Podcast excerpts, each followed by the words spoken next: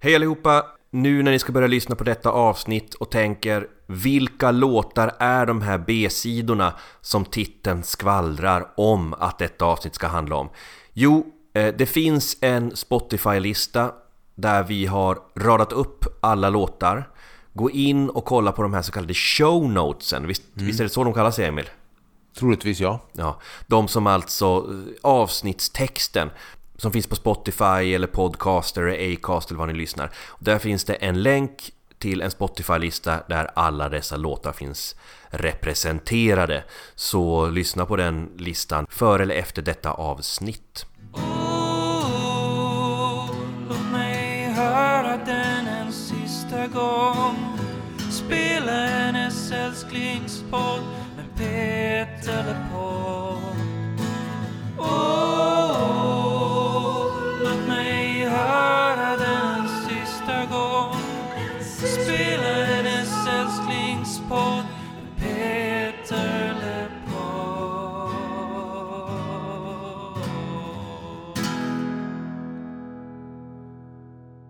Välkommen hem! Jag heter eh, Tony Savela och eh, mitt emot mig sitter... Här sitter Emil. Jag vet inte vilken ände vi ska börja idag. Eh, precis innan inspelningen så fick vi reda på att Peps Persson har gått bort. Mm. Det tyckte jag var tråkigt att höra. Jag har lyssnat väldigt mycket på Peps Persson. Har du någon relation till honom? Inte med att han alltid har funnits där. Men det är inte så att jag aktivt riktigt har liksom letat upp hans musik, ska mm. jag säga. Jag har väl aktivt letat upp hans musik. Mm. Eh, jag såg honom live i Norrköping en gång kring 2006. Och det är en spelning jag har väldigt varma minnen över, som var väldigt bra. Så eh, ja, vila i frid, peps! Men det är ju inte det vi ska prata om idag, utan vi ska ju i vanlig ordning prata om Peter Lemark. Vi har ju den här podcasten, Emil, mm. som handlar om Peter Lemarks album och karriär. Är det korrekt? Ja, det råkar ju bli så. Ja. När vi har tagit oss an det här projektet, att liksom mm. prata igenom hans låtar och inspelningar, så har ju vi på något sätt haft ambitionen att nämna allt. Ja, nästan allt. Eller? Nästan allt. Det är nog säkert många samarbeten och inspelningar ja. som vi inte kommer ha nämnt under den här podca podcastens gång. Men man får väl ändå säga att eh, vi gör ett försök till att täcka in så mycket som möjligt. Och då kan vi ju inte bara prata om albumspåren, mm. vi måste ju också prata om B-låtarna. Baksidorna.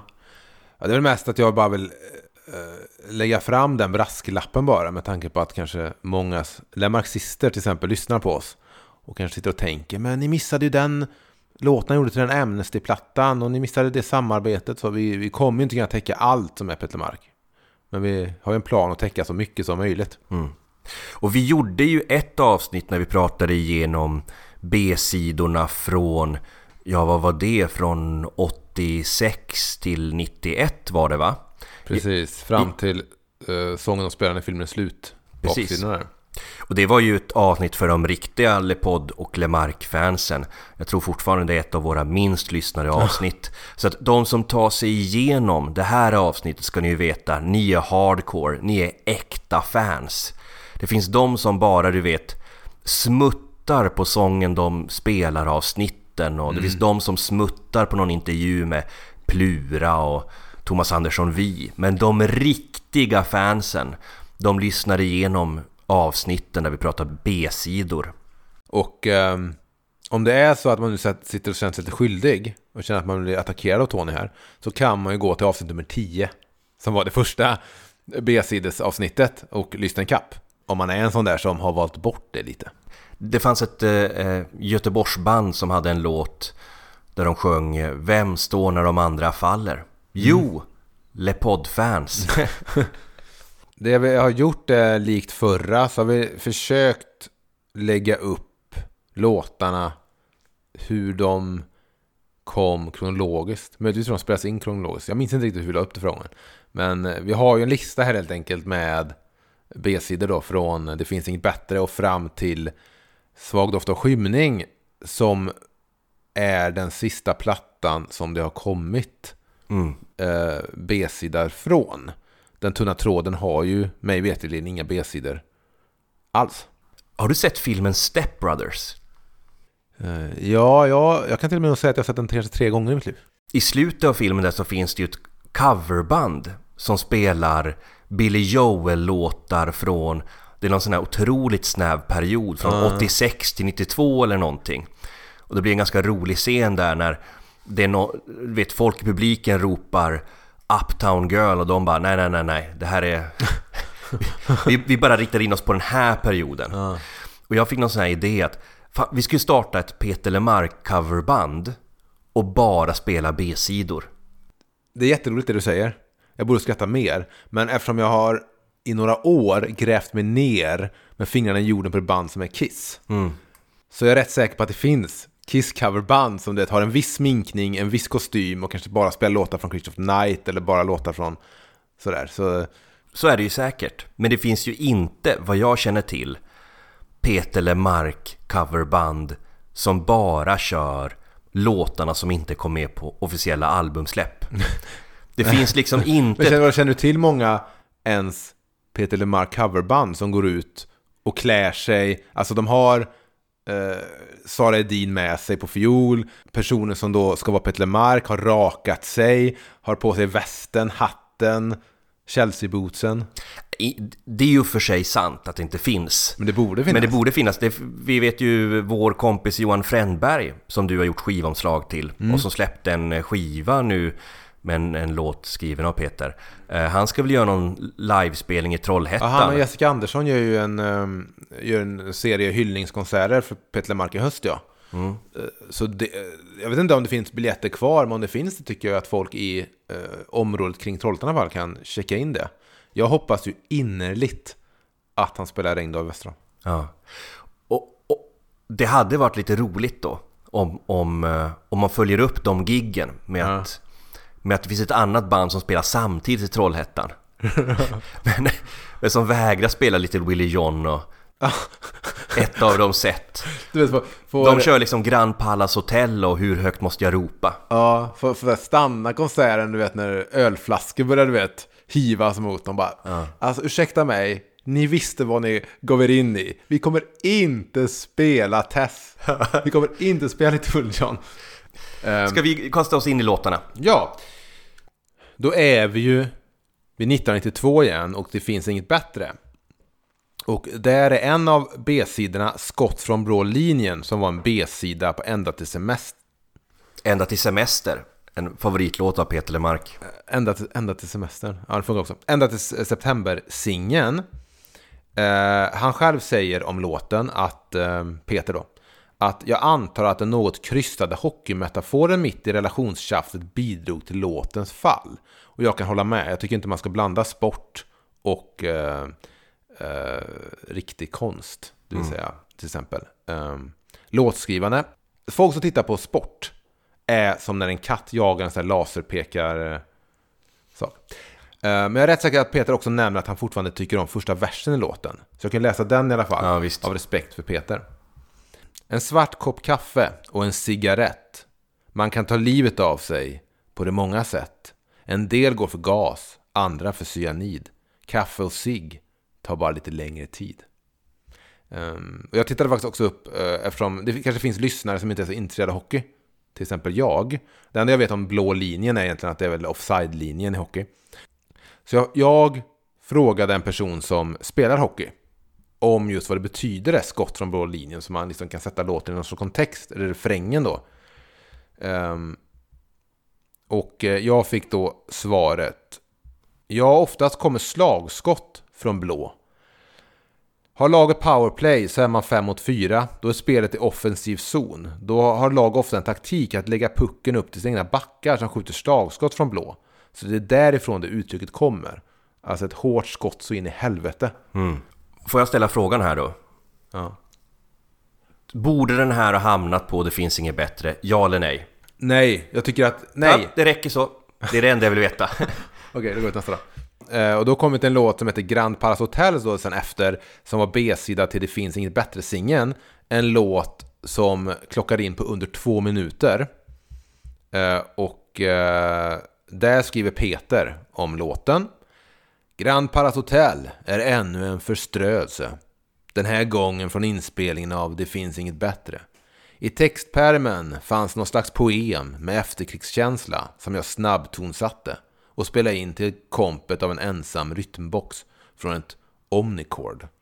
Det är slutet vet jag inte vad det handlar om, vad en Omnicord eller en rytmbox är, men en kort liten sak. Jag har inte så mycket att säga om den heller, förutom att den låten måste i alla fall utspela sig någon kalla kriget-tid gissar jag. För att eh, han nämner ju att han sitter med en jukebox och eh, spelar upp sina 24 sista spänn på den här uh, uh, Viva Las Vegas, Elvis-låten, som gjordes för filmen Viva Las Vegas med Elvis Presley. Och den kom ju 64. Din imitation av Peter blir liksom grövre och grövre för varje gång. Alltså den blir mer och mer en karikatyr. Blir det Ja. Jag lägger in mer och mer så här, Stockholms liksom, sväng i, i min... I, Ja, men han, det låter mer och mer som en fängelsekund än en, än en singer-songwriter från, hur- från Trollhättan. okej, gör du ett försök då att imitera Peter Mark? Nej, Jag kan inte göra det. Men jag tycker det är bara intressant Men att det- se hur att det- din imitation Jo, blir det- värre och Det värre. jag kan säga att det finns två Peter Mark. Det finns, lite som du vet man ska, när man ska imitera Beatles-medlemmarna så finns det typ olika Beatles-röster för varje person. Så finns det två Peter Mark. Det finns en som är den nutida.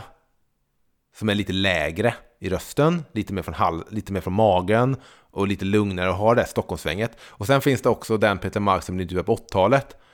Eh, som är, har lite mer fortfarande Trollhättan i sig. Eh, som när han inte intervju om den här, eh, han ska göra en välgörenhetsspelning, Mauro Scocco med bland annat på den. Och då blir han intervjuad i tv. Och så säger han att han är, eh, jag är fadder. Då kommer Trollhätte-Peter. Men sentida Peter har ju inget Trollhättan i sig. Efter Grand Palace Hotel så kommer vi till låten Förloraren som var B-sida på Ge henne tidsingen. Jag tror att om jag hade eh, varit en aktiv skivköpare 92 så hade jag nog varit en sån person som hade köpt Ge henne tidsingen Ja. före de andra från den plattan. Eh, Förloraren skrevs ju då på Viktors hotell i Göteborg, där i januari 92 väl, när han skrev var det 13 låtar, vad det var där i ett svep. Om jag har uppfattat det rätt så spelade han till och med in två gånger, man gjorde två försök på låten, men ingen hamnade då på plattan. Det här låter väldigt mycket som en låt som Peter Lemark skrivit i hotellbaren på Viktors hotell när han känns färdig för dagen och gått ner och bara betraktat människorna som sitter runt omkring honom. Jag, jag tror att det är lite av en fantasi. Den jobbar i en genre av låtar som, som inte är helt ovanlig. I synnerhet inom countryn.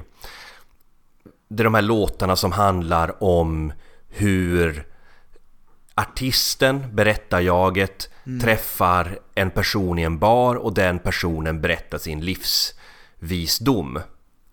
Jag är lite svag för den sortens berättelse. Är eh, Thåströms Främling överallt en sån låt? Kanske. Det är väl hans pappa han sjunger om, är det inte så? Det, men det finns ju Främling överallt kanske däremot gå in också i den här andra genren av låtar som jag tycker att förloraren tangerar på och det är ju låtar om förlorare. Ja, Alltså- precis som de tragiska livsödena. Ja, och jag älskar sånger om förlorare men det kanske låtskrivare gör i allmänhet. Det är mycket enklare och emotionellare, tänker jag, att skriva om underdogs än vinnare. Och så finns det någon sån här romantik kring de här förlorartyperna, de som aldrig lyckas. Alltid sitter i samma hörn Ja. i, i baren. Suputer i barer med så här, du vet, storartade drömmar. Ja. Och inga möjligheter att genomföra dem. Man vill ju att de sitter i ett mörkt hörn, man vill inte att de sitter framför en Jack Vegas-maskin. Precis, och det är väl, eh, jag menar herregud, det finns ju exempelvis Charles Bukowski byggde väl hela sitt författarskap kring liksom den, den tankefiguren. Kort fråga. Skulle den här kunnat hamnat på ett album tycker du? Ja. Bra, då går vi vidare. Ja, för nästa låt är en låt som inte dök upp på, som någon singelbaksida när det begav sig, utan först, mig veterligen, eh, dök upp i den här boxen då, Starkare än ord. Och det är Rik i regnet, den här eh, låten som styckades för, eh, för att bli Det finns inget bättre. Och eh, den skrevs också då i januari på Viktors hotell. Eh, alltså i samma veva som Förloraren. Och den spelades in i maj sen, men Peter tyckte att något saknades. Och sen tog han då textstycken till den här låten Det finns inget bättre, när han fått den melodin på hjärnan. Och det här är en av mina favoritlåtar med Peter Lemark. Och jag gillar ju den väldigt mycket också. Och eh, Det är en perfekt liten låt. det finns inget bättre. Jag tycker den låten är suverän. Jag tycker den är lika bra som den här är. Men den här låten ger ju någonting helt annat. Det här är mer en låt i samma skola som Väntar dig mirakel. De här Jag går hem till, eller Jag lämnar för tillfället min älskade, för att jag måste gå till Saab och jobba. De låtarna. Jag tycker det finns inget bättre som låt än magisk. Den har något, något dovt mörkt i sig, så att den är verkligen en magisk produktion. Jag skulle inte vilja välja bort den för allt i världen. Men jag hade kunnat sett att båda levde sida vid sida. För att hade han till exempel slängt, för att eftersom den här släpptes då i den här starka nordboxen 2010, hade han slängt fram den här i Skeppsholmen säger vi. Jag menar, så fort första refrängen kommer hade alla sjungit med, även om de inte hade haft boxen du vet. Ja. Alla kan ju de orden, även om de hade hört dem i ett annat, eh, en annan kontext då, men det finns inget bättre. Jag vill bara läsa min favoritvers, då, även om den tror jag nämnts ett par gånger i podden, men jag kommer ändå nämna den bara. Here we go again. Ja. Det är svårt att inte läsa den med melodin, men jag kommer försöka inte göra det. Garvaregatan 4B. Över gården, våning 3. I en bädd med sängstolpar av brons. Någonting att leva för. Någonting som aldrig dör. Det är fantastiskt. Garvagatan 4B, många låtar utspelar sig i den lägenheten där nere vid kanalen. Tror jag i alla fall. Eh, jag tycker också det är kul bara att eh, andra textraden i låten, för han sjunger ju morgonregnet faller platt, han är, i han är i regn, vår checklista där. På min kind och på min hatt. Jag gillar det här när han uppmärksammar sig själv som en hattbärare. Han är ju, han är ju Peter Lemark här som skriver om Peter Lemark. Ja.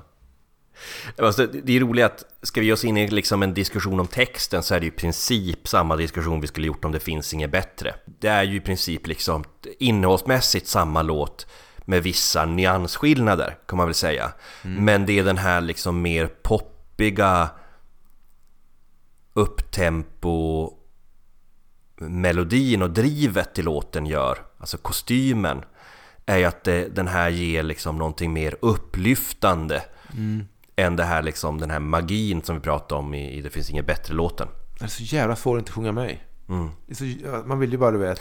Jag har hela världen i min... Du gjorde ju en intressant iakttagelse om melodin som jag nu inte kan släppa. Nej. Och det kommer från eh, en person som är tondöv som jag är. Men jag tycker ju att melodin är extremt lik eh, melodin till DuckTales. Eller Ankliv som den också hette på, när det gick på tv. Eh, Joakim von Anka tv-serien med knattarna. Där de ju sjunger Joakim von Anka och tre knattar. Oh! Och det, det är väldigt likt för mig. Jag har hela världen i min hand. Nu var det kanske fel melodi. Men hur som helst är melodierna väldigt lika varandra. Så om någon lyssnare som kan musik eh, kan kanske ge, ge ett svar till oss. Är det någonting som är väldigt likt där eller är det bara... När du väl har sagt det så är det väldigt svårt att inte höra det. Har du någonsin känt en vänskap av en särskild sort? Som inget regn kan skölja bort? Ja, det har jag. Jag bara log. Och då vill jag ju ställa frågan Emil. Borde den här ha hamnat på Det finns inget bättre? Den skulle varit en B-sida på Det finns inget bättre singeln. Nej, det skulle varit en dubbel A-sida. Han skulle släppt den som en dubbel A-sida. Cool.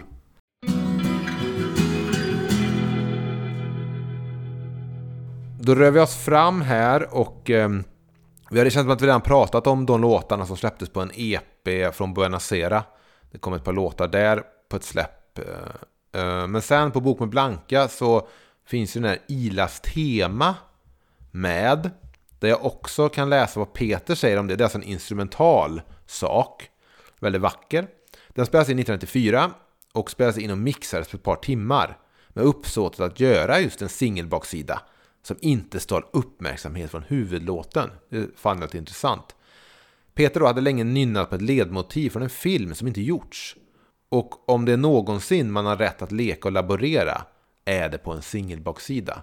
Jag har inte så mycket att säga om det men det är ett väldigt vackert musikstycke. Ja, Tycker jag.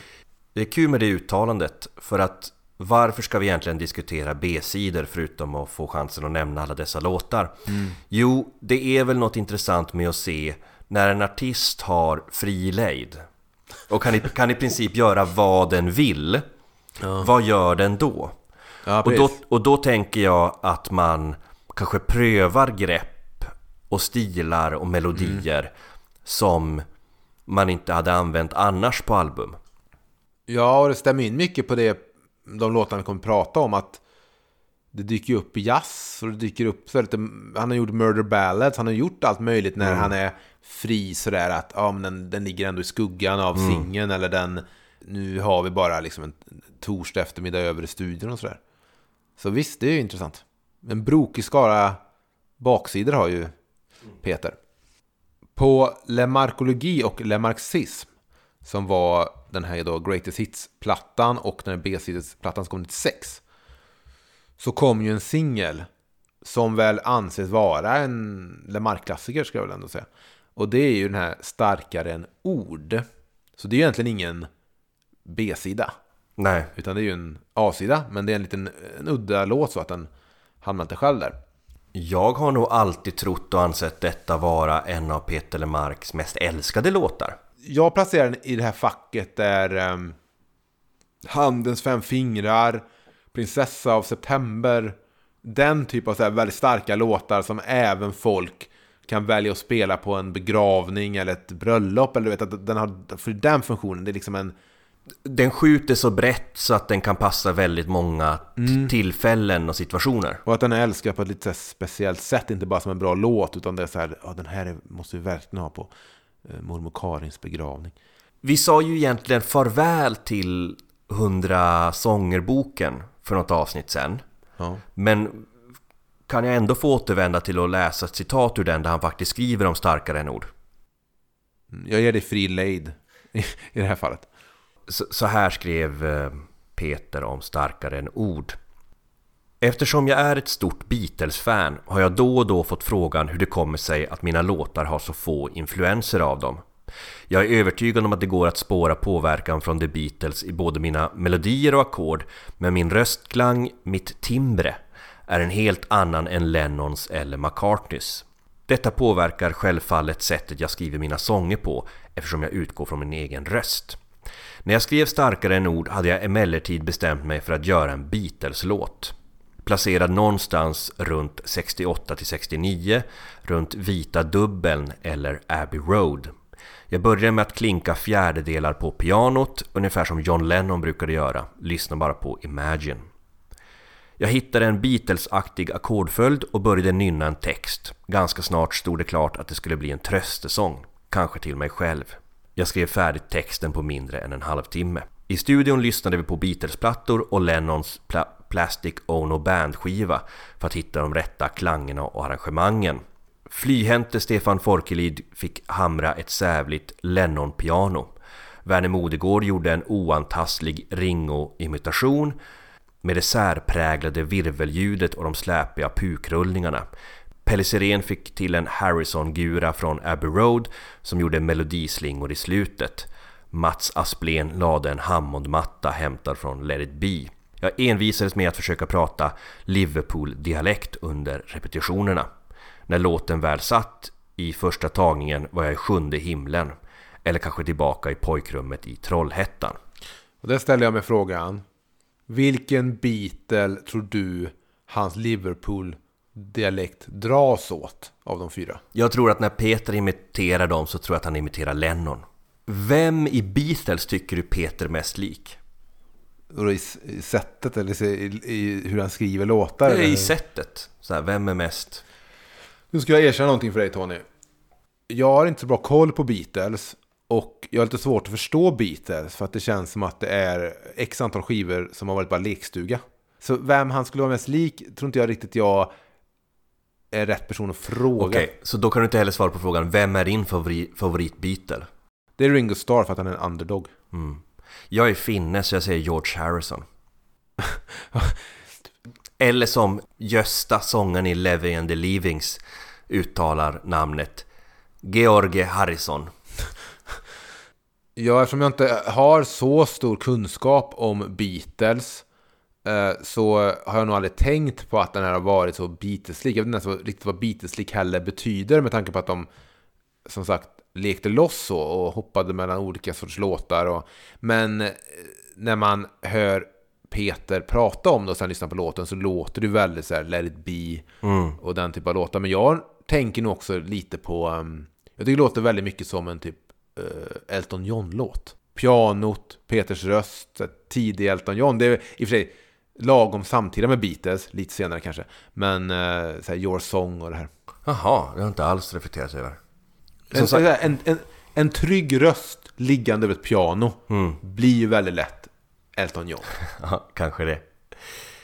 Eh, Ja, den låter i alla fall annorlunda. Definitivt annorlunda än hur Lemark-låtar brukar låta. Och jag skulle säga att det mest märkbara för mig är svänget. Att den har en rytm som är mycket st- mer stabbig och rak. Mer, det är väl de här fjärdedelarna på pianot. Ding, ding, ding. Mm, det kan man höra i låten Imagine Ja. av John Lennon. Precis. Medan, medan jag tycker Lemark ofta har mer det här soul-svänget Ah. och liksom någonting som är mer tillbakalutat eller liksom pådrivande. Men det hjälper ju bygga upp den tryggheten som också finns i texten. Ja, Att det, det, det är så tryggt det piano som ligger och hans sång. Ja. Och som du säger om, om, om melodin och takten bygger på något mer tydligt och fast så gör ju texten det också. Och det hjälper ju till den här uppmaningen och, och den här liksom Du har mig som han sjunger i texten. Och hur det här liksom stödet han, han skänker är, är starkare än ord. Jag undrar om man inte liksom öst kanske från samma känslomässiga källa som eh, eh, Prinsessa av September och det här alltså. Min hand finns alltid att hålla i. Eh, Hur otrygg du än känner dig eller hur mycket än världen skakar runt omkring oss. Det är, det är en låt som, som inte känns nödvändigtvis som en kärlekssång till en älskande. Nej, jag, Ut, utan, som du säger, kan vara riktad till en familjemedlem eller en vän. Precis, jag, precis. Ja, men jag håller med om att, att den är väldigt öppen så. Det handlar bara om så här, eh, låt mig hjälpa, ge dig trygghet. Ehm, låten fick ju en musikvideo när det begav sig. Sista samarbetet väl mellan Peter Lemark och Leif. Leif Lindblom. Och det jag noterade med den musikvideon, svartvit, det är ett barn som flyger upp i luften. Eh, Peter Lemark står och sjunger låten i den där snygga, i princip eh, Nio Brors väg-eran. Det jag noterade var att jag tror han bär samma solglasögon som han bär i tv-inslaget som görs 95 inför Bok med Blanka när han är tillbaka i Trollhättan och går runt eh, där. Så de solglasögonen levde kvar i alla fall hit. Mhm. Spännande. Ska vi, ska vi gå vidare? Då är vi på Trollkarlen från Stora Blå som var en B-sida till Starkare än ord singeln. Och Peter Lemark säger att det var hans bidrag till det som han kallade Allmänna Jamfredagen. Där någon då tog kommando i bandet i studion och man eh, bara jammade. Ehm, och det Peter säger då att när han själv kom hem då på lö- lördagen med det här jammet så rotade han i textlådan och hittade ett uppslag från 91. Ett textfragment som uppenbarligen inspireras av Bergmans ansiktet. Parentes. Jag har filmaffischen hängande i hallen. Parentes. Eh, Det är en låt som för mig låter väldigt The Doorsigt. Jag har också skrivit The Doors. Ja, väldigt så psykedeliskt. Har Peter någonsin varit närmare The Doors? Min bror pratar om någon låt från, från Kärlek i tystnadens tid, för han var sur att vi inte nämnde det. Men det finns ett litet parti, någon låt där, som han säger Det är rippat rakt av från The Doors. Alltså vi pratar om att det kanske är typ ett, ett stick eller så här 15 sekunder där det kommer någon orgelgrej som han hävdar då är väldigt The Doors. Men eh, ja, men jag, jag gillar det. Lite friare, lite rockigare. Ja. Men sen har inte jag sett, har du sett eh, ansiktet? Jag har nog inte det faktiskt. För det är väl den när Max von Sydow eh, har någon sorts pipskägg och spelar hypnotisör väl? Och ser ut som Blix Gordons antagonist Ming. En karaktär som Max von Sydow sen skulle spela. Men jag har inte sett den. Kan man nästan höra en Peter Lemark här som, som vill komma ut i världen här. Alltså another side of Peter Lemark som, som, som inte har vågat visa sitt ansikte. Så en, en jammig Grateful Dead-Peter. som du vet, skaffa minibuss och köra omkring på, Ja, på bär- landet. Bär kaftan kanske. Ja, har en minibuss där han gömmer sitt gräs i en skokartong. Sen låter håret växa ut i en hästsvans. Kanske finns någonting gömt där. Jag tror att det hade kunnat finnas en platta som var lite råare. Lite mer rough. Och lite mer... Eh, lämna Garvaregatan 4B. Lite för en skiva och mer gå på du vet med varietésällskapen och Ja. clowner i grälla kavajer och allting. Peters LSD-skiva. Precis.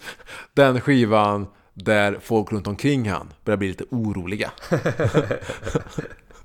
Sedan på samma singel, det vill säga Starka Nord-singeln, vi är alltså fortfarande 1996, släpps den här låten Om vi aldrig skulle ses igen. Och den låten har ju en liten intressant historia. Eh, jag kan faktiskt säga, jag kan faktiskt läsa vad Peter själv skrev i ett pressutskick från nu bara ett år sedan när den släpptes ehm, som singel ihop med Liten vän. Originalversionen av låten släpptes nämligen. För den versionen som dök upp på den här singeln var en i mer jazzig version. Det han säger är Tanken var att det behövdes en ny låt till samlingen Hittegods. Något som radion skulle spela. Jag skrev den, det vill säga om vi aldrig skulle ses igen, i november 91. Strax innan vi skulle börja arbeta med samlingen Hittegods. Varför det inte kom med minns jag inte längre. Och någon singel som skulle dra samlingen släpptes inte. Sen glömde jag bort den. Några år efter vi spelat in den hörde Semia Hamilton, Semya Hamilton, av sig och frågade om jag hade någon låt till henne. Jag arrangerade då om den till en liten jazzinspirerad sak. Hennes version kom 93. Ytterligare några år senare spelade jag själv in den här jazzversionen för en singelbaksida. Ja, och när han sen då sammanställde den här boxen så fick den här popversionen inte plats. Så den dök ju sen upp nu då som en singel. Så det finns ju två versioner av den här låten då. Skillnaden är väl egentligen att popversionen har ett långt gitarrsolo på slutet och har fler verser och är lite omstuvad. Men den är längre. Tråkig fråga, men vilken föredrar du? Den jazziga versionen eller eh, den här popradioversionen? Popradioversionen. Du gör det? Ja. Det är nog det spontant jag skulle säga. Jag tycker fan den är fin den eh, jazzversionen. Eh, på Spotify ligger den då på Nio Broars väg. Mm. Och sen då, sista låten från Le Marcologi och Le Marxism-eran är Libra. Som var eh, Stefan Forkelids, om jag minns rätt, bidrag till den allmänna jämfredagen. Och det är en en och en halv minut eh, lång instrumental sak. Där eh, Peter är med på några läten i bakgrunden. Jag tror det står som att kör. Mm. Men det ja. Beskriv lätena. Jag minns inte nu, men det är mer bara vokala läten som jag minns det. Sen då, på Niebroars väg tycker jag det blir lite intressant. För att där kommer ju en singel efter plattan är släppt. Som är en dubbel A-sida med inga spår från studioalbumet. Där då Låt de vackra leva och Hud mot hud eh, ligger på.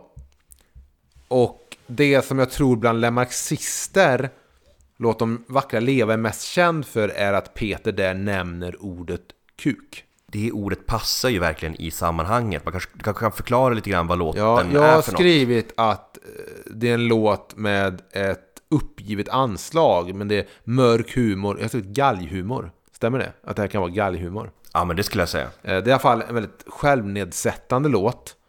Eh, jag tycker att det engelska uttrycket self-deprecating är bättre, men jag tror att självnedsättande är den svenska översättningen av det. Men versen går. Har inte råd med någon operation. Att ordna mig går säkert lös på någon miljon. Suga kulan, sy en ny peruk. Bort med hakorna och längre kuk.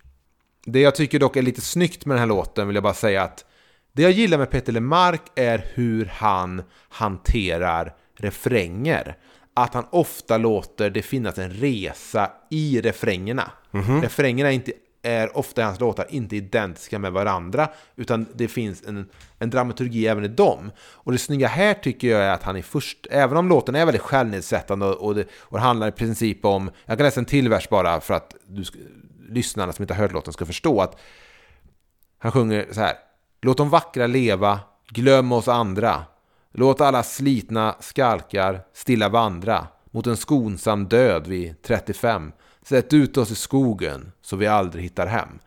Men det fina är att han i varje vers senare lägger när man förtjänar att dö. Mm. För att man då inte eh, förtjänar att leva. För det första refrängen så är det mot en skonsam död vid 35. Andra refrängen så är det när ditt liv tar slut vid 37. Och ett tredje mot ett värdigt slut vid 42. Så det tycker jag finns en liten... Det positiva, eller ljusningen i det att det ändå alltid senare läggs. Ja, det är någon sorts satir eh, som är ganska... Ja, det Kul. sat- Satir är väl rätt ord. När vi gjorde avsnittet om sången de spelar, det var sida B-avsnittet, så efterfrågade jag vad spännande det hade varit att höra om Peter hade spelat med ett New Orleans-aktigt jazzband. Och då tänkte jag inte på att vad fan, det är ju det han gör här. Här spelar han ju med Mats Holmqvists storband, men, men eh, i just eh, eh, Låt de vackra leva så är det ju verkligen den sortens jag vet inte om Dixie-jazz är, är rätta uttrycket. Och det låter ju rätt schysst. Eh, Det låter rätt spännande och roligt. Det var roligt att få höra det. Mm, det, alltså, de här BC'na generellt är väldigt jazziga. Mm.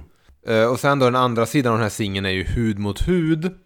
Som väl är Peters mest explicit sexuella låt. Jag har benämnt den här som en den barnförbjudna klippningen av filmen som är Här kommer din älskling. Ja, den är, den är väldigt... Det, vi utgick ju lite grann från den när vi pratade med Susanne Larsdotter. Eh, vår sexolog i avsnittet där vi pratade med en sexolog om Peter Lemarks texter. Jag har även skrivit här, faktiskt med tanke på det du sa, att eh, borde han göra en hel jazzskiva? Frågetecken. Ehm, Peter då alltså. Ja, alltså, bara det betyder att Peter Lemark kommer med en ny skiva så får han hänge sig åt vilken genre som helst.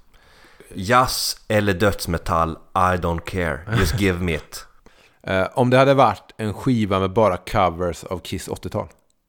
Det hade varit något. Det hade varit något. Får jag avsluta snacket om hud mot hud bara med att jag kan läsa första versen bara så alla förstår hur, hur låten osar. Mm. Men han sjunger då, och tänk då på att detta är en barnförbjuden version av Här kommer din älskling. Som jag har gått och väntat hela dagen på att du och jag ska få en lugn stund. Men nu när hela huset sover vill jag känna dina smaker i min mun. Så låt min tunga vandra hela vägen från dina vader upp till dina lår. Den sista milen ska de bara rinna lika lätt som en tår. Då kan man ju säga att den här låten skulle kunna heta Nu kommer din älskling.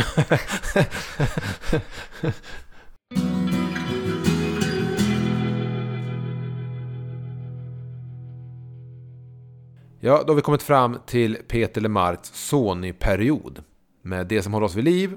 Och där kommer B-sidan Hur högt måste jag ropa på Det som håller oss vid liv-singeln. Ehm, det Peter själv säger om den här låten är att eh, den skrevs på en halvtimme den 6 augusti. Ja, vilket år? 2002 kanske då. Ehm, ingen märkvärdig komposition tyckte jag då. Inget versmått, inga rim, ingen, ingen utmaning. Bara tankar i en ström. Eh, Vi spelade in den en enda tagen någon vecka senare. Och någon magi infann sig i kommunikationen musikanterna emellan. Låten var gjord för att bli en B-sida men plötsligt blev den en contender. Du vet som... Eh, Storstadshamn. precis, jag tappade namnet på skådisen. Marlon Brando. Marlon Brando såklart. I could have been a contender. I could have been someone instead of a bum, which I am. Ja, han är en förlorare ju. Just det. Sitter och spelar roulette på ett... eh, I slutändan tyckte jag att den inte funkade på albumet rent tematiskt, så den blev en jävligt bra singelbaksida. Eller vad det nu heter på CD-språk. Nej, jag tycker också att den har en viss magi. Och just det här med att den kanske då är skriven i en ström gör att det kommer någonting ur den som förmodligen är lite obearbetat och ärligt. Någonting väldigt kryptiskt och jag får känslan av att sången handlar om att försöka formulera saker till sin älskade som ligger där och sover bredvid den. Men att inte hitta orden. Och att man kanske försöker formulera något om hur det är att få ta del av en oerhörd kärlek och känna att man inte har förtjänat den. Och sen så kommer det här, hur högt måste jag ropa? Som på något sätt sticker ut från resten av texten och jag undrar vad innebär det? Innebär det att hur högt måste jag ropa för att få min kärlek hörd? Eller handlar det just om det här med hur, att, att det är svårt att hitta orden och formulera sig? Så att det enda man kan göra är att liksom skrika ut någonting. Skrika ut någons namn från scen varenda kväll, som en annan textrad lyder. Och jag tänker på en scen i Kvarteret Korpen, en film jag har nämnt förut. Där en ung författare blir refuserad med orden att han skriker så högt att man inte hör vad han säger. Jag funderar nästan på om jag ska läsa bara några rader från Hur högt måste jag ropa? Eh, Den börjar Min kära, vi kanske flyttar snart, kanske redan imorgon. Jag är redo, jag är redo, även om jag inte riktigt vet för vad. Jag har svårt att beskriva hur jag känner en sån här ljum sommarnatt. När alla runt om mig sover, kanske, vad vet jag, sin sista sömn. Något nästan lite apokalyptiskt där. Och återigen eh, kryptiskt. Man undrar nästan om den är sjungen ur någon karaktär sådär. För jag undrar vad, vad flytten innebär. Jag undrar om han liksom menar en rejäl flytt. Att han vet, var lite less på huset i Bagarmossen. Men inte vill för att han vet hur, du vet, det är så jobbigt att flytta. Packa flyttkartonger och flyttstäda. Ja, han ligger med vardagligt grubblande där, där på natten. Det är alltså helt enkelt Peter Lemarks bästa låt om flyttstäd. Hur högt måste jag ropa? Och en annan låt då från den här tiden är ju Underbar sekund som var B-sida till Så långt mina armar räcker. Och eh, det jag har skrivit om den här låten är att det känns som en proto Så gott att må gott igen. Eh, som också handlar om den där utandningen, de där 20 sekunderna när man bara kan känna att just nu är i alla fall allting bra innan allting bara faller sönder igen. Eh, och här känns det lite, li, lite likadant, men det, det har liksom krympt från de där 20 sekunderna till en underbar sekund. Eh, att då vakna innan klockan och inte behöva något alibi. Mm. Och det, det här kopplingen mellan låtarna syns väl tydligast i sista versen som går. Och jag har ju då transkriberat själv här igen då, så det kan vara fel. Att kunna andas igen, som om det var länge sen, så länge sen. Att känna hjärtat mitt slå, det måste vara den nåd jag hoppas att få. Så det är även de där korta stunderna i livet där man bara kan andas ut och... Och det är en låt som hör väldigt hemma i det som håller oss vid liv. Mm. Men det du sa om låten innan, att det känns som bara, det kändes som bara en ström, att det var en väldigt nästan demo sådär. Det, jag känner det lite här med refrängen och så, att den... På ett snyggt sätt så är den lite rough. Och en låt som också skrivs under den här tiden då, det som håller oss vid liv-eran, men då inte släpps, utan släpptes nu i år. Det är ju då låten Så länge det regnar. Eh, och det, och det, är ju- det är ju trevligt med saker som släpps medan podden är aktiv. Som den här då gjorde. Eh, eh, och jag vet inte om jag har så mycket att säga om den. Jag tycker att jag älskar atmosfären i låten. Och jag älskar liksom valda lugnet som Peter har valt. Eh, och, en, och ändå på något sätt hur låten sakta men säkert växer i den här låten. Absolut. Ja, så det var ju en av de två låtarna Peter släppte i år. Den andra kommer dyka upp här lagom snart. Eh, på 17 sånger så har han också släppt två baksidor. Och det är ju Aldrig äldre än så här.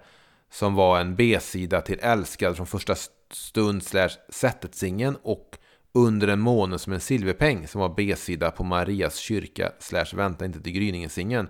Jag tycker bestämt att Under en måne som en silverpeng är en av de bästa låtarna från 17 sånger. Och jag tycker att den borde varit med på skivan. Ville Peter inte kalla den 18 sånger så hade han kunnat till exempel plocka bort Håll om mig. Jag kan väl bara hugga tag i och säga det här med att eh, Aldrig äldre än så här är ju en låt som jag tidigare har hyllat och vill hylla återigen. Det här är ju en fantastisk inspelning av den låten och eh, oavsett hur man framför denna så går det inte att dölja att det är en makalös sång. Kärlek i tystnadens tid då.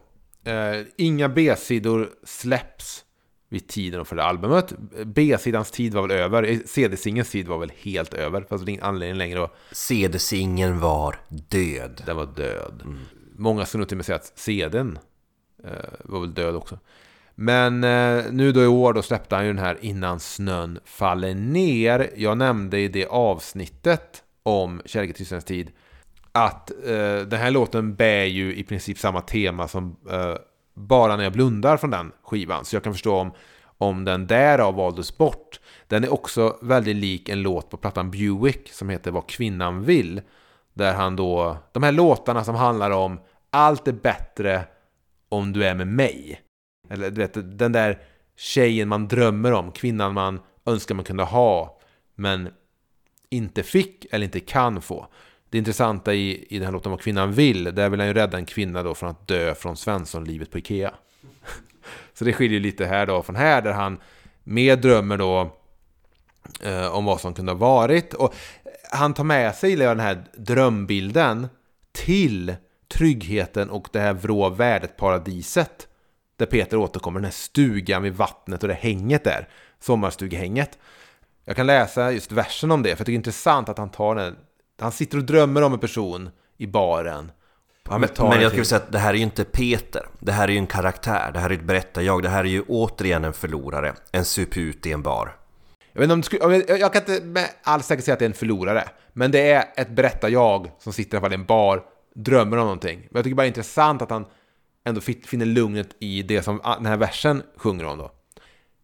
Jag ser det framför mig såklart. En enslig stuga vid en sjö och hon och jag. Någonstans i mitten av en skog. Med öppna fönster och där golven luktar jord. Andas oktoberluft så hög. Vi blickar upp mot skyn där svalorna nyss flög. Vi är som släppta ur en bur och våra kroppar som två utsvultna djur. Lite hud mot hud där mot slutet. Men jag gillar just det här att han, när han nämner svalorna, som även nämns i Regnig dag i Västerhav, ehm, är ju att försäga sig lite om, om vart det handlar om. Det är vrå världen.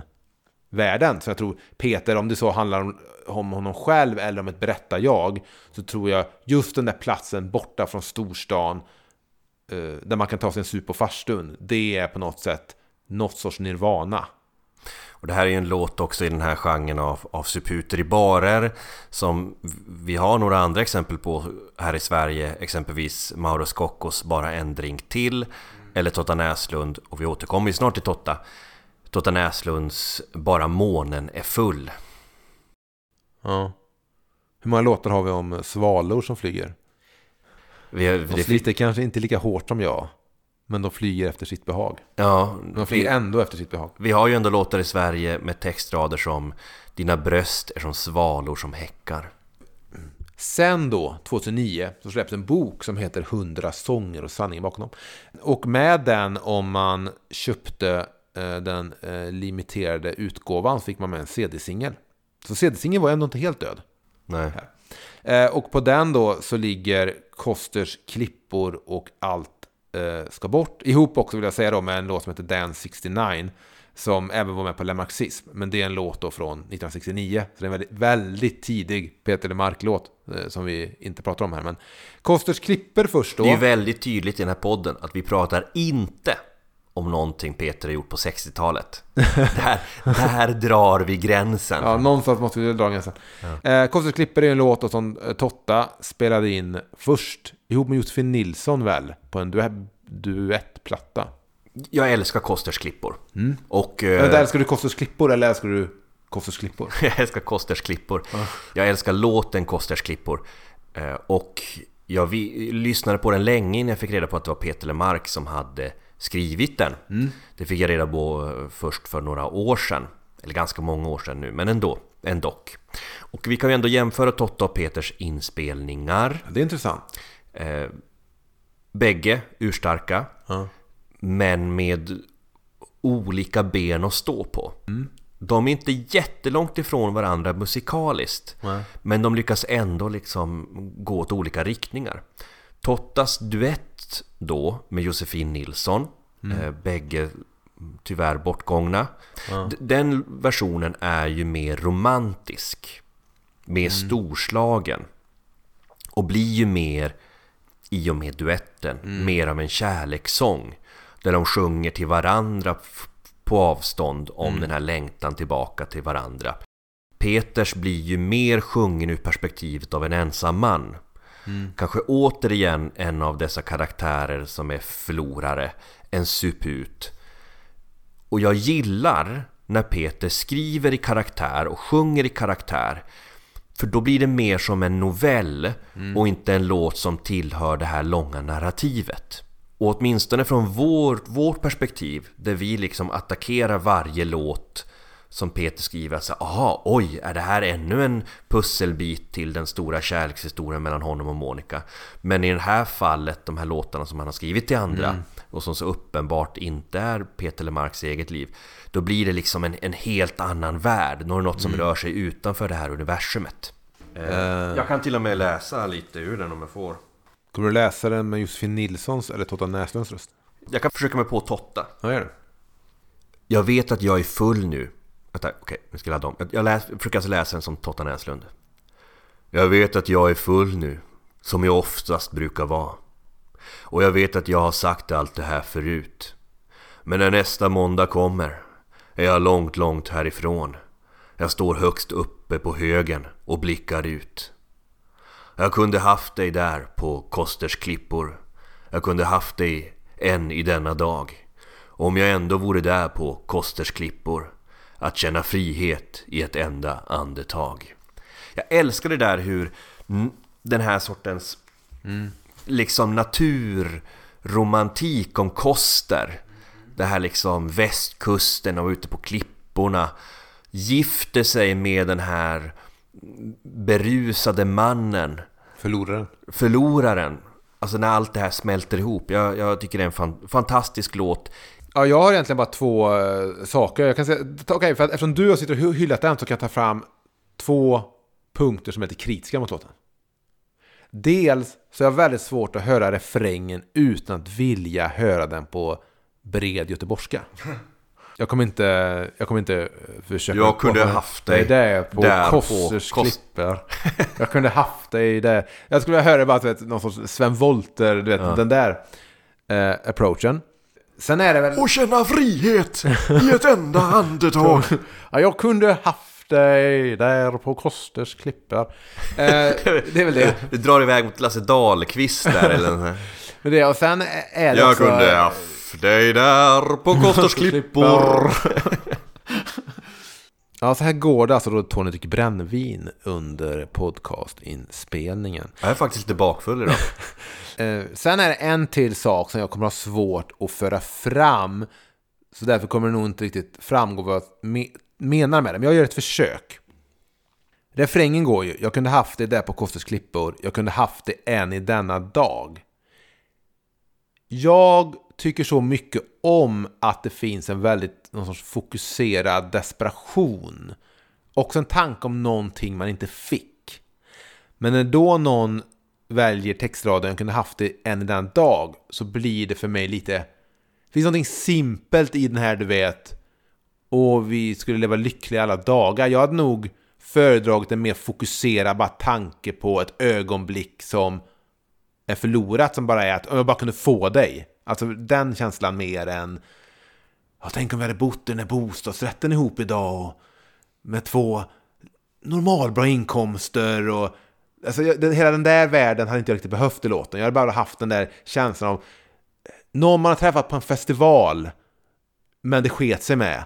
Eller någon man såg i något berus, berusat tillstånd och träffade och man skulle åt samma håll men sen så blev det inte så. Eller vet, att den, den där mera eh, ögonblicket som got away mer än någon lite mer någon lite mer väntat skrivet i du vet drömkvinnan, eller drömmannen. Kan du förstå vad jag menar? Kan ju vara så att din utläggning inte hade fått plats i versmåttet. Mycket möjligt. Ja, jag, jag, jag, jag förstår vad du menar även om jag inte håller med. Och sen då på den här 100 sånger singeln som följer med boken så är det en B-sida då till Kossos klipper som heter Allt ska bort som är en demo. En låt som jag tycker är riktigt härlig för att det är bluesigt. Peter får vara lite mer rough som vi gillar och det är den låten där jag tycker han låter som och skriver som Plura mest i sin karriär. Mm. Kan det stämma? Jag vet inte. Jag gillar i alla fall demosoundet. Jag gillar soundet på Peters demos. De är så jävla, du vet... Eh, De når upp till nivå Ja. att det är jävligt lyssnarvänligt. ja, det är liksom, det är inte demos som, som man oftast hör dem, att det är någon Nej. som har spelat in dem på en kassettbandspelare Mm. två meter från stereon, utan här har han gått in och lagt instrument. Ja, Han vi- producerar ju sina demos bättre än, än många producerar sina Precis. Du vet, albumspår. när man får något, eh, jag ska inte nämna Bob Dylan för då kommer du, men vi ser en annan dag, man typ köper någon Led Zeppelin-box eller någonting. Och så är det en massa demoversioner av låtarna, så är det så här taskigt, brusigt ljud. Så här, man lyssnar på det en gång för man är lite nyfiken, sen kommer man aldrig lyssna på det igen. Men när Peter LeMarc gör en demo, så här, ja men den slänger jag med i playlisten. Peter LeMarcs demos kunde lika gärna varit så Dire Straits-grejer. Det Mm. kunde varit sånt där som hi-fi-nördar använder för att pröva sin utrustning på. Det, det är så Bara, bra. Hör du Casio-synten bara går igenom mellanregistret. Det är så bra att det skulle kunna finnas ett coverband som bara spelar Peter LeMarc-demos.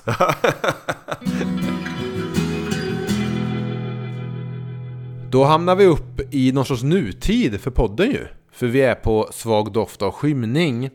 Och här dyker det upp en låt som heter Ur öppen hand.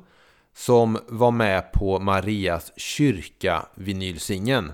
Och sen då dök upp på den här Svag doft av skymning EPn som finns på Spotify som kom för bara några år sedan. Och den här singeln var väl ett Record Store Day-släpp 2013? Precis. Eh, Men de här låtarna vi kommer prata om nu då på den här EPn var ju med i deluxeutgåvan av skivan När det begav sig. Men det är lite roligare att säga att det var en baksida till en singel. Så då, då startar jag där. Jag älskar ju Ur öppen hand. Och jag älskar egentligen alla låtarna på den här EPn. Och tycker att de hade kunnat haft en plats på Svag doft av skymning. Men det här som Peter använder här, att han startar första versen med någonstans, någonstans, andra versen med någon dag, någon dag, sen tredje versen väl, någonstans, någonstans igen och sen någon gång, någon gång. Det tycker jag känns väldigt Peter LeMarc snyggt i den här dramaturgin i verser och refränger, att det ändå alltid finns en utveckling och en så väldigt formstark utveckling. Peter kan ju popspråk. Verkligen. Alltså han kan, han kan ju det där hänga upp låtar på och texter på så musikaliska idéer och snygga idéer.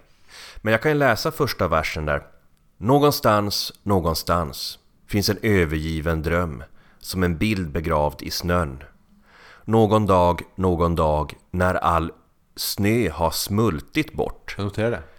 Säger man smultit? Man kan säga smultit eller smält. Eh, Men de flesta väljer väl ändå ordet smält bort. Ja, det är kanske på grund av eh, antalet, antalet stavelser där. I alla fall.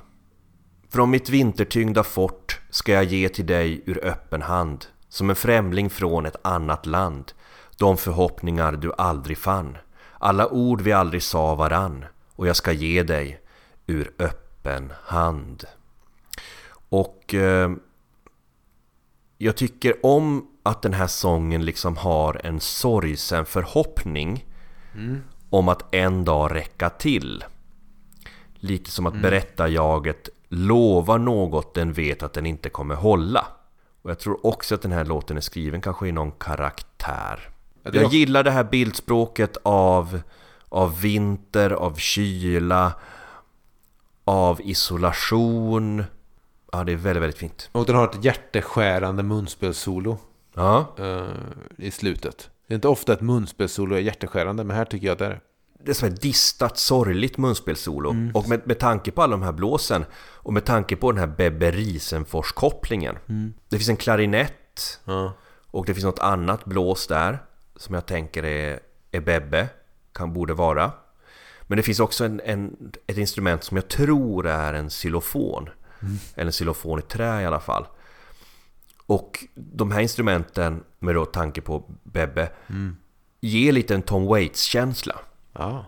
ja. Som jag nämnde i senaste avsnittet. Min kunskap om Tom Waits sträcker sig till filmen Bram Stokers Dracula. Men om du säger det Tony. Eh, Jag, jag, tycker, jag tycker det är en skitbra låt och hade jag varit producent, vilket vi alla är glada över att så icke var fallet. Men hade, hade jag, du vet, suttit med i studion Mm. På Svagdoft av skymning. Så innan Peter säger Men fan den där snubben, du vet, ut med honom, kasta ut honom. Ja. Så hade jag sagt Peter, ryck våra bästa dagar. Ja. Lägg in ur öppen hand. Det är det som är så, för baksidor kommer alltid, ofta, bli ju bortglömda eller en andra klassens låt. I de, du vet, det finns ju undantag såklart. Men ibland kan jag ändå sitta och bara förundras över ni jobbade med den här låten, ni skrev den, ni kämpade, ni arrade den. Bebbe fick stå där och leka loss i någon sorts frihet. Och sen väljs den då att ja, den ska bara ligga på deluxe-utgåvan för de som köper den. Eller nu, nu läggs den upp på Spotify. Sen förstår jag också att låtar på, med, på, en, eh, på ett album försvinner ju bort också. Där du vet, sista tredjedelen av skivan kan låtar också lite eh, ligga för att glömmas. Men eh, jag tycker det är underligt. Går Att med- en så här stark låt inte kom med. Ja, men många av de låtarna vi pratade om alltså. Det är ändå... De är också barn, värda att älskas, ömmas för. Eh, en annan låt på den här EPn då är Sofia i spegeln. Vilket jag tycker är en otroligt välskriven Peter Mark-låt. Skrevs till Sven-Ingvars. Skrev till Sven-Ingvars till och med, det visste inte jag om. De, Sven-Ingvars har gjort en inspelning som inte ligger så långt ifrån den här versionen. Men jag tycker Peter sjunger den eh, mer innerligt än Sven-Erik Magnusson. ska bli eh, kul att lyssna på den så jag har inte hört den. Men jag vill ändå läsa bara första versen i hur, hur välskrivet och fint han bygger upp de här världarna. Man är liksom där med karaktärerna. Jag sitter på en köksstol och skalar en apelsin. Hon rullar tunna cigaretter som hon lägger i ett skrin. Hennes ansikte bär rynkor, vid munnen syns ett sår. Som tecken på att tiden aldrig spårlöst bara går. Och det är så här, det är så specifikt att han just sitter, av allting han kan göra sitter han just och skalar en apelsin. Hon rullar tunna cigaretter. Han är så duktig på det konkreta. De här symbolerna som läggs in i det konkreta som, som öppnar upp liksom dörrarna till världen. Förstår du vad jag menar? Ja, jag är med dig. Jag är med dig. Det är en fin låt. Och sen på den här EPn så ligger ju även På mitt hjärtas torg en akustisk version. Men också då sista låten för kvällen. Som är I natt gick jorden under. Skrevs till Fredde Wadling. Eh, men eh, valdes bort av Wadling. Eller? Tror det. Mm. Jag gillar den här låten för det igen är så här. Peter är så duktig på att sätta en känsla och beskriva en värld man hamnar in i. Och för mig känns den här filmen som ett syskon till I mitt andra liv. Men det är den filmen när man plockar bort all rekvisita och alla karaktärer. Alla, och det bara finns kvar liksom den, den öde världen. Det är liksom att, att gå runt i Trollhättan utan att springa på systrarna Källgren. Eller, eller Yvonne och Tina. Det är bara en mardrömsfärd och En, en, en nattlig dröm. Liksom, ja. Ja, men eh, jag tänkte närmast på att det är samma Peter som vi hörde på Detta blir min död. ja. Att, att det är en, här, en apokalyptisk ryttare som går omkring i ett öde landskap. Eller kanske ett öde Trollhättan. Ungefär som Dylan gick omkring i låten Ain't Talking. Men det är en, det är, det är en annan låt som, som den här påminner mig om. Ja, men den här borde, kunde också ha hamnat på svag doft av skymning. Som en låt, trots att den här skrevs då, vadå, 2006 eller 2007. Så är det en låt som eh, passade väldigt bra in på på svag doft av skymnings liksom mörkare mörkare liksom stråkar. Ja, men då när han sjunger Jag känner mig som James Cagney som planlöst driver kring. Då skrevs det med tanke på vadling. Att Ja, va- att jag Wadling antar då- det. Tror att, det- tror du att det kan vara så att Peter snappat upp att för att Wadling var ett stort fan av eh, James Cagney av alla skådisar att välja? Jag vet ju att eh, Fredde Wahlling var ett stort fan av film. Han var en stor filmfantast. Men det är ju Peter också. Jo, jag tycker att det fanns ehm, en ung James Cagney är inte helt olik Peter LeMarc. Så jag, Utveckla. eh, alltså utseendemässigt då. Jag har inte så bra koll på James Cagney som skådis. Eh, men han spelar mycket gangsterroller och sådär. Eh, jag kan läsa den texten där till den versen du anspelar på. Jag känner mig som James Cagney som planlöst driver kring under en övergiven himmel nästan som på film. Som en skeppsbruten sailor fast på torra land och de döda de sjunger för mig på ett band. Och jag, jag gillar det där. De döda de sjunger för mig på ett band. För att det kan också vara någonting apokalyptiskt och, och jorden som har gått under. Men det kan också vara att han går omkring för sig själv en natt och lyssnar på en bärbar CD-spelare med Billie Holiday eller du vet, någon gammal död bluessångare.